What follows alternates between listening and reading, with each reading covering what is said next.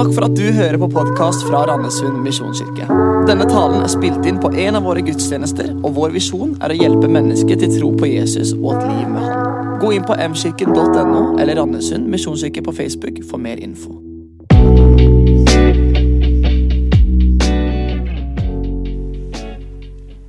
En oktoberkveld i 2009 så sitter det gutter og jenter rundt bordene i en kafé i en kirke. Pastoren har arrangert en sånn speed bli kjent-kveld. Heller mer kjent som en speed dating-kveld. Noen skulle bli sittende med bordene, noen skulle flytte fra bord til bord. Og Målet med denne kvelden det var at alle de single i kirka skulle bli kjent med noen av de andre. Ved ett av bordene så sitter det en gutt og en jente. Jenta så gutten og tenkte Dette er mannen i mitt liv. Det er han jeg skal gifte meg med.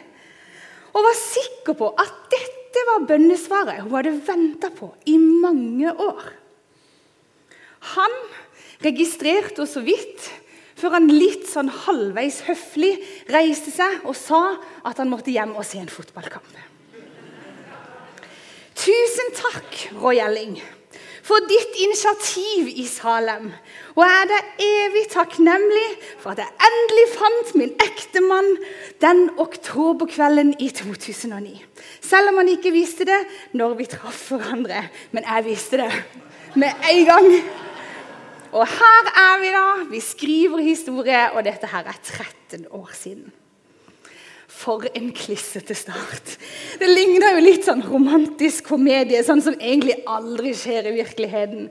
Men taleserien heter jo 'Bedre sammen', og jeg måtte benytte anledninga for å snakke litt om dette. Vi skal snakke om ekteskap i dag. Og For å lære litt mer om det, og hva som rører seg rundt i ekteskap nå i 2023, så gikk meg og Gjelling i parterapi. Ja, Det var jo for å lære mer om hva som skjer i ekteskap nå. Men, men alligevel, vi hadde en god time der i parterapi, meg og Gjelling. Det var kjempefint. Og nå, før vi går videre, så skal vi bare sette stemninga. Og vi skal se 54 sekunder av parterapi. Vær Hvor hardt er du villig til å jobbe med dette forholdet? Hvor hardt jeg er villig til å jobbe for dette forholdet. Altså Hardere enn noe menneske noen gang har jobbet for noe som helst. Eh, 25 timer i døgnet, åtte dager i uken. Altså Så stor er min kjærlighet til Annike, da. Jeg er også veldig glad i Chris, men jeg føler at kjærligheten kan bli for intens. Jeg vet det. Og jeg jobber med meg selv for å dempe. Jeg vet du gjør det. Jeg vil gjøre alt i min makt for å møte dine behov. For hvis ikke du har det så bra som du fortjener, så kan ikke jeg leve med meg selv. For det du betyr for meg, kan ikke beskrives med ord, baby. Du er min øyensten. Mitt alt. Og hvert sekund jeg ikke ser deg, så dør noe inni meg. Jeg gruer meg til hver gang jeg må blunke. For da får jeg ikke sett deg.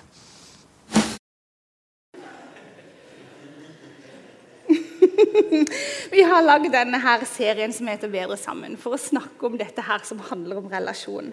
Og Sist søndag så snakka Jonny Omdal om hvor viktig det er å ha gode relasjoner og gode vennskap. Og hva som skjer med oss hvis vi ikke har det. Og I dag så skal vi da altså snakke om ekteskapsrelasjonen. Og så vil jeg si det, at Når jeg skal snakke om det her i dag, så vet jeg at det ikke gjelder alle. Men jeg tror likevel at denne talen har noe å si til deg. For de tingene som jeg har lært, og de tingene som jeg skal dele med dere, bruker jeg i ekteskapet mitt, men jeg bruker det også i alle de andre relasjonene jeg har i livet. I vennskapsrelasjon, i kollegarelasjon, i naborelasjon osv. Når et par gifter seg, så er det veldig kjente vers som ofte blir lest i kirka. Og De står i 1. Korinterbrev, kapittel 13. Og vi skal lese de her nå.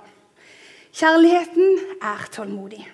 Kjærligheten er velvillig, den misunner ikke, den skryter ikke, den er ikke hovmodig. Kjærligheten krenker ikke og søker ikke sitt eget. Den er ikke oppfarende og gjemmer ikke på det onde. Den gleder seg ikke over urett, men har sin glede i sannheten.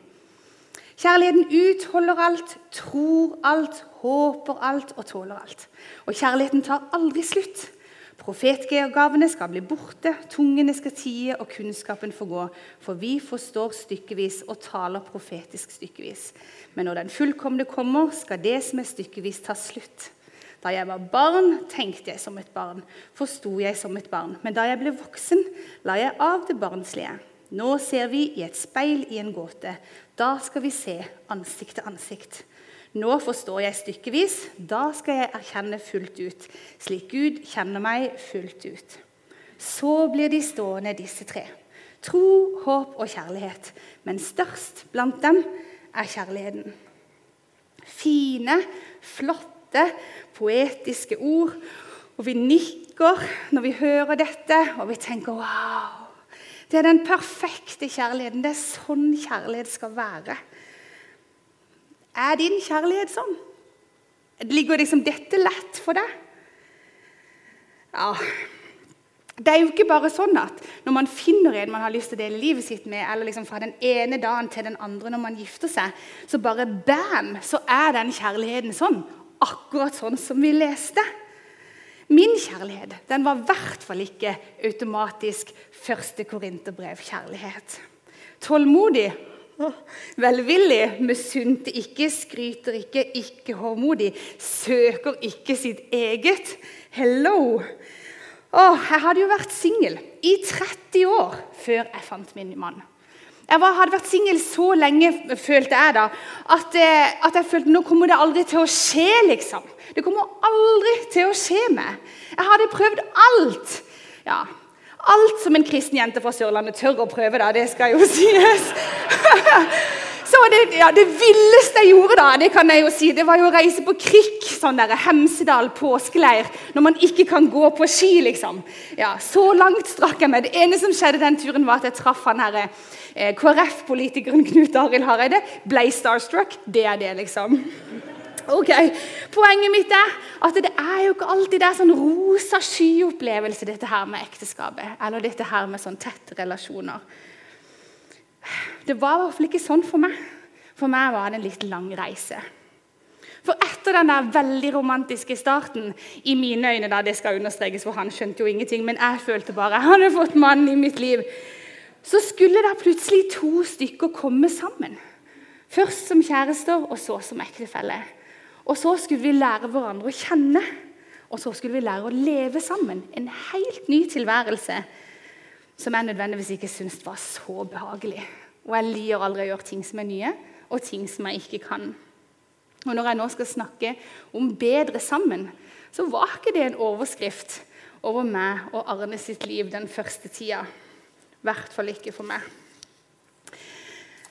Jeg hadde som jeg sa, vært alene lenge, og det å dele tida mi var utrolig krevende. Det at plutselig jeg skulle dele all den tida som bare hadde vært min, med en annen, at han skulle komme tett inn på meg i mitt liv, det var kjempevanskelig. Jeg husker den der hvor jeg hadde sånn fake-gjesp. Liksom. Nå er jeg så trøtt. Jeg tror jeg må hjem. Jeg skal jo på jobb i morgen. Og han så forståelsesfull. Bare sånn, ja, det skjønner jeg, du jobber masse og kjempebra. Og jeg gikk hjem ah, i sofaen, på med TV-en. Og så hadde jeg min egen lille sånn alenetid hjemme der på kvelden. Det er ikke bare bare for ei jente som har tjenester og gaver som kjærlighetsspråk, å bli kjent med en som har tid. Ja. De skal være ett, står det i første Mosebok. Ja gammel oversettelse. Nå står det derfor skal mannen forlate sin far og sin mor og holde fast ved sin kvinne. Og de to skal være én kropp. Det er jo liksom enda tettere. Og jeg har min komfortsone her ute. Huh. Min redning, og jeg tror at det kan være andres redning, det var å forberede meg litt på dette. Å ha en sånn slags forventningsavklaring til hva er dette greiene her? Hva har jeg blitt med på nå? Hvordan skal dette fungere for oss? Hva ligger foran? Hvordan er det å være én kropp som to mennesker, liksom? Så meg og Arne vi gikk rett og slett på et 'Hvordan bli gift'-kurs. Ja, Det høres veldig kleint ut, og det var det. Vi følte at det var litt kleint. Men så gjorde det meg også bedre rusta og så var det bra til slutt.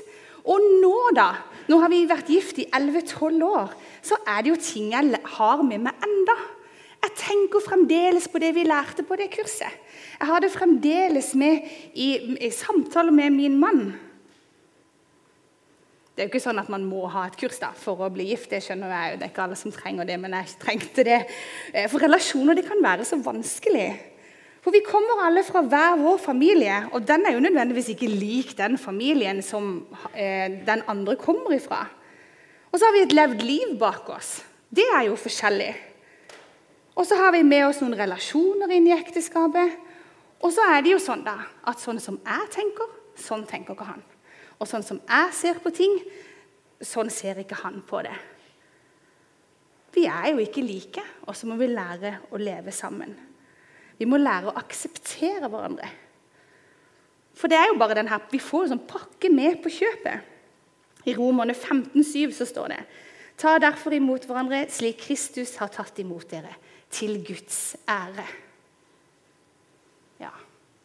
Jeg har ikke tall på alle de gangene jeg har sittet med venninner og tenkt åh, om man bare hadde hatt litt annet tøy liksom, på det nivået. da. Kunne han ha blitt en god mann? liksom. Å, om han bare ikke hadde snakka så mye om jobben sin, så kunne han sikkert ha vært litt interessant, men jeg vet ikke om jeg vil ha han for det. liksom. Eller, det er liksom sånn at Hvis bare, om bare. Vi lager oss et fantastisk bilde av hvem vi har tenkt å møte. Og så er det noe sånn at vi møter et menneske som har med seg alt det et menneske har med når vi treffes. Et av mine mantra i livet det har vært å øve. Og Stian Kilde Aarebrot skriver noe om dette i sin bok som heter 'Plastisk teologi'. Og han skriver om øvelse. Øvelse gjør mester, det vet vi godt. Men hvorfor tar vi ikke denne kunnskapen og tenker dette om relasjonene vi er i, de valgene vi tar, eller de moralske manøvrene vi tar i hverdagen? Gjennom gode valg, de store og de små hverdagsvalgene, så bygger vi karakter. Jeg tror vi er nødt til å øve mer. Kanskje til og med noe så kjedelig som å tørrtrene. Jo mer vi trener på å gjøre det rette, jo større vil sannsynligheten være for at når situasjonen kommer, når du trenger det som mest, så er det større sannsynlighet for at vår indre autopilot vil hjelpe deg.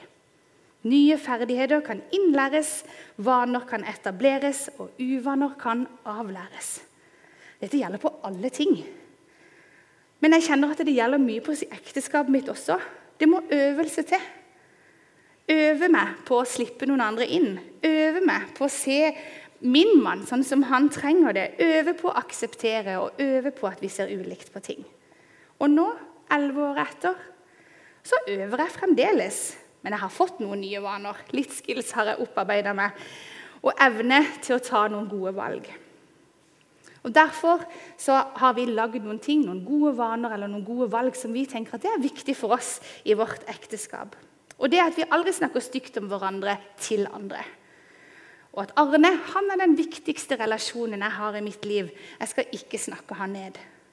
Vi er stolt av relasjonen vår, og vi tar ikke relasjonen vår for gitt. Vi velger å engasjere oss. Som Stian sier, nye ferdigheter kan innlæres, vaner kan etableres, og uvaner kan avlæres. Jeg måtte lære å bli bedre sammen. Kanskje det går litt treigt for meg, men det, det kom ikke av seg sjøl. Det var skikkelig hard jobbing. Det var daglige valg. Men ved å velge de gode valgene, så har vår relasjon blitt bygd valg på valg. Dette høres tørst og kjedelig ut. Jeg kan skjønne det, og det er litt teoretisk, men sånn fungerer det for meg. Jeg må øve. Og så tror jeg kjærligheten min har blitt forandra pga. det.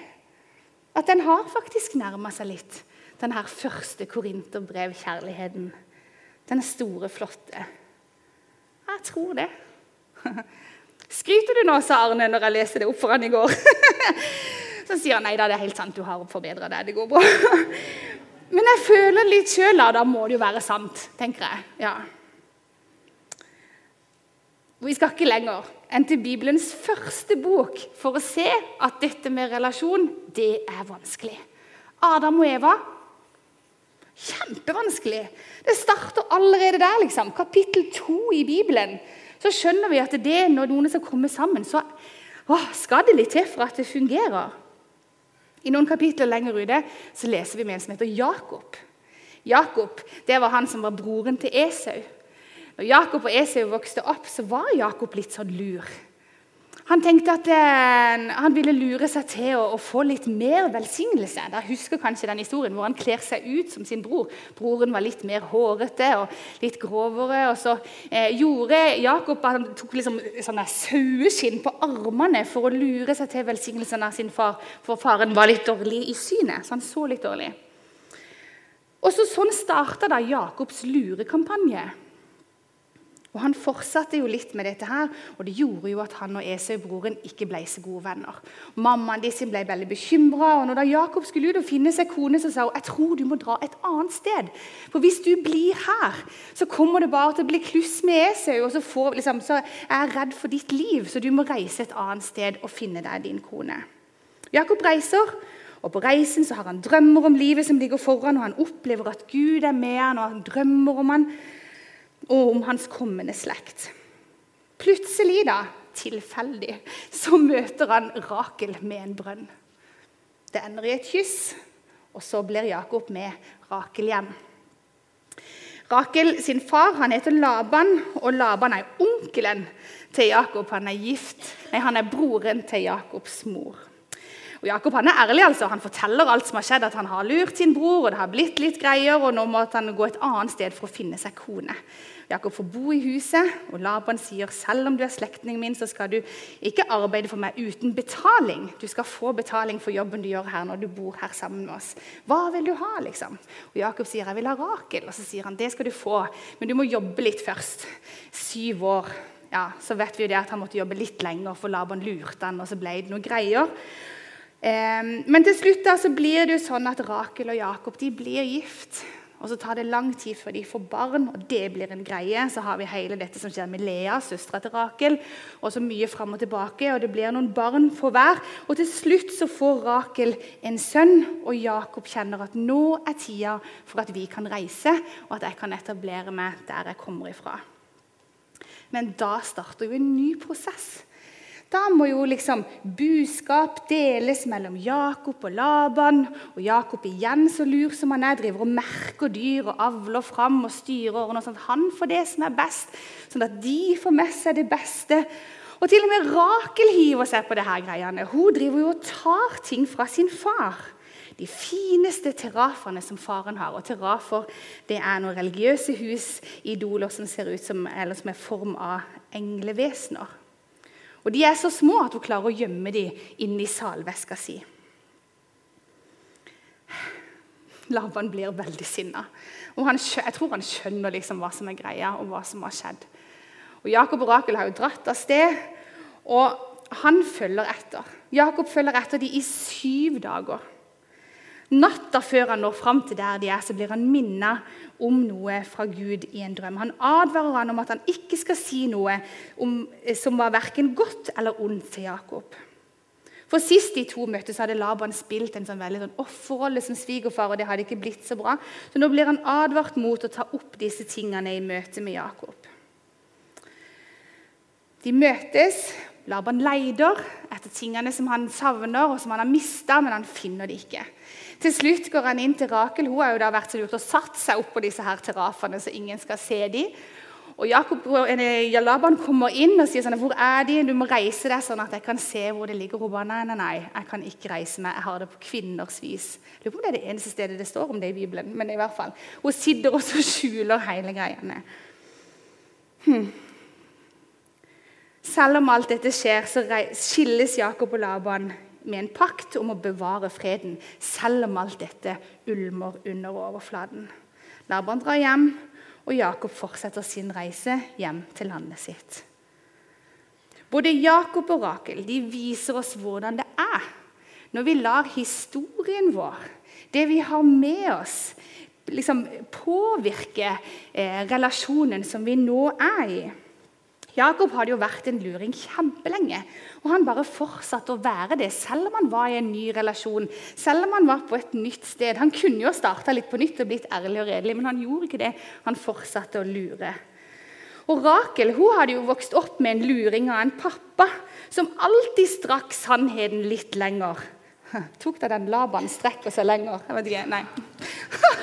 Dårlig vits fra oss som har vokst opp på 90-tallet. Ok, Uansett så var det jo sånn at historien gjentok seg. liksom. History repeats itself. De var vokst opp i det, og de fortsatte å gjøre det. Når Jakob kommer hjem, så blir han heldigvis god venn igjen med Esau. Og Det er jo på en måte en god ting. da. Og så er det ikke så lenge etterpå så dør Rakel i fødsel. Og der ender Rakel og Jakob sin historie. Jeg håper ingen av dere har et sånn et styrete ekteskap eller en sånn en styrete relasjon. Fy og stress. Men jeg vil gjerne vise at det er ikke rett fram, det her med relasjoner. Det går ikke bare av seg sjøl. Ekteskap, selv for mange tusen år siden, var kompliserte greier. Det står jo ingenting om hvordan Rakel og Jakob egentlig hadde det. Det er jeg jo litt nysgjerrig på. Jeg tenkte sånn, Snakka dere i det over hodet sammen? liksom? Ble dere enige om å lure, eller hva skjedde? Det får vi aldri vite. Men jeg tenker, klarte Jakob det med alt han strevde med, så tror jeg jo alle kan klare det. Men vi må jobbe med det. Vi må jobbe med relasjonene våre, sånn at vi skal komme styrka ut av det. Og så tror jeg at vi må ta gode valg, og at vi må øve oss på å ta gode valg, sånn at vi lager noen gode vaner som er godt for alle som er i den relasjonen. Første Korinterbrev 13. Jeg sammenligner dette her kjærlighetsbrevet eller dette kjærlighetskapitlet med min kjærlighet til min mann. I håp om at jeg kunne få en sånn kjærlighet. Men det Paulus egentlig skriver om her, er jo Guds kjærlighet til oss. Ja, Vår kjærlighet til hverandre den går opp og ned. Den kan øves opp, og den er nok stadig i utvikling. I hvert fall er det sånn for meg. Men Guds kjærlighet til oss den er fullkommen. Den tar aldri slutt, og han elsker oss alltid og under alle forhold. Jeg går mot en avslutning. Og eh, Det siste ekteskapet eller det siste bryllupet som jeg skal snakke om i dag, det har enda ikke skjedd. Og det bryllupet er for alle. Bibelen starter første Mosebok med et ekteskap, med et bryllup. Og så ender Bibelen i et annet bryllup. Lammets bryllup som vi kan lese om i Johannes' åpenbaring kapittel 21 og kapittel 22. Vi kan alle denne sangen 'Salige visshet'. He? Den synger vi, og der står det 'Han er min glede, han er min sang'. Han vil jeg prise livsdagen lang. Han skal jeg evig love hos Gud. Han er min brudgom, jeg er hans brud hørte en historie om tre gutter som hadde vært i en kirke hvor de hadde sunget denne sangen, hvor ei gammel dame sto i benkeradene sånn fullstendig hengitt i denne her sangen og sang skikkelig høyt. Og de holdt på å le seg i hjel, liksom. Hun gamle der. Så ble hun liksom, så ble hun obs på de da, så hun lente seg over til dem og sa det. 'Bare så dere vet det, han fridde først', liksom. Ja. Åh, han er min brudgom, jeg er hans brud. Ja. Adam og Eva de falt. Og De vendte seg bort fra Gud. og Det første bryllupet som skulle være det bryllupet som skulle fylle hele jorden med Guds barn, det ble ikke helt sånn som det skulle. Når vi kommer til slutten av Bibelen, så inviteres vi, alle vi, i kirken til et nytt bryllup der Jesus er brudgom. Jesus han svikter aldri, og han forlater oss aldri. Og han inviterer deg, og han inviterer meg inn til bryllup. Og det står Da var det som jeg hørte lyden av en stor skare, et brus av veldige vannmasser, et rønn av mektig tordenbrak, og de ropte Halleluja, for Herren vår Gud, den allmektige, er blitt konge. La oss glede oss og juble og gi Han æren, for tiden for lammets bryllup er kommet. Hans brud har gjort seg i stand, og hun har fått på seg en drakt av skinnende, rent lin. Dette er gjort i stand for oss der framme. Nå lever vi her. Og vi vet ikke hvordan det er der framme, eller hvor langt det er til det der framme. Så vi befinner oss i en sånn forberedelsestid for det som kommer. Jeg liker jo det ordet. Å forberede meg Jeg er utrolig avhengig av å forberede meg. Derfor er jeg så utrolig takknemlig for at jeg fikk lov til å forberede meg på en av mine viktigste relasjoner, som er til min mann. Og Nå har vi en mulighet også i den tida vi lever i, å forberede oss på det som kommer der framme. Ved å pleie vår relasjon til Jesus. For Jesus ønsker relasjon med deg. Til deg og til meg. Og det er en relasjon som ikke er bygd på noe prestasjon, men på at vi ønsker å holde oss nær til han. Og at vi ønsker å bli bedre kjent med han. Bedre sammen. Jeg har en relasjon til min mann som gjør at vi er bedre sammen. Og Uansett din livssituasjon, og uansett hvor du er på din livsreise, så kan vi alle ha en relasjon til Jesus som gjør at vi kan ha det bedre sammen. Kjære Jesus. Du ser alle som er her i dag, Jesus. Og må du bare være nær hos de der de er på sin livsreise. I de relasjonene de står i, i de tingene de står i. Og så ber vi deg, Jesus, om at du skal hjelpe oss å komme enda tettere på deg, Jesus. Takker deg for det at vi kan komme til deg akkurat sånn som vi er. Akkurat der vi er, med den vi er. Og at du tar imot oss uansett. Og at din kjærlighet til oss, den svikter aldri. Og den går aldri bort. Amen.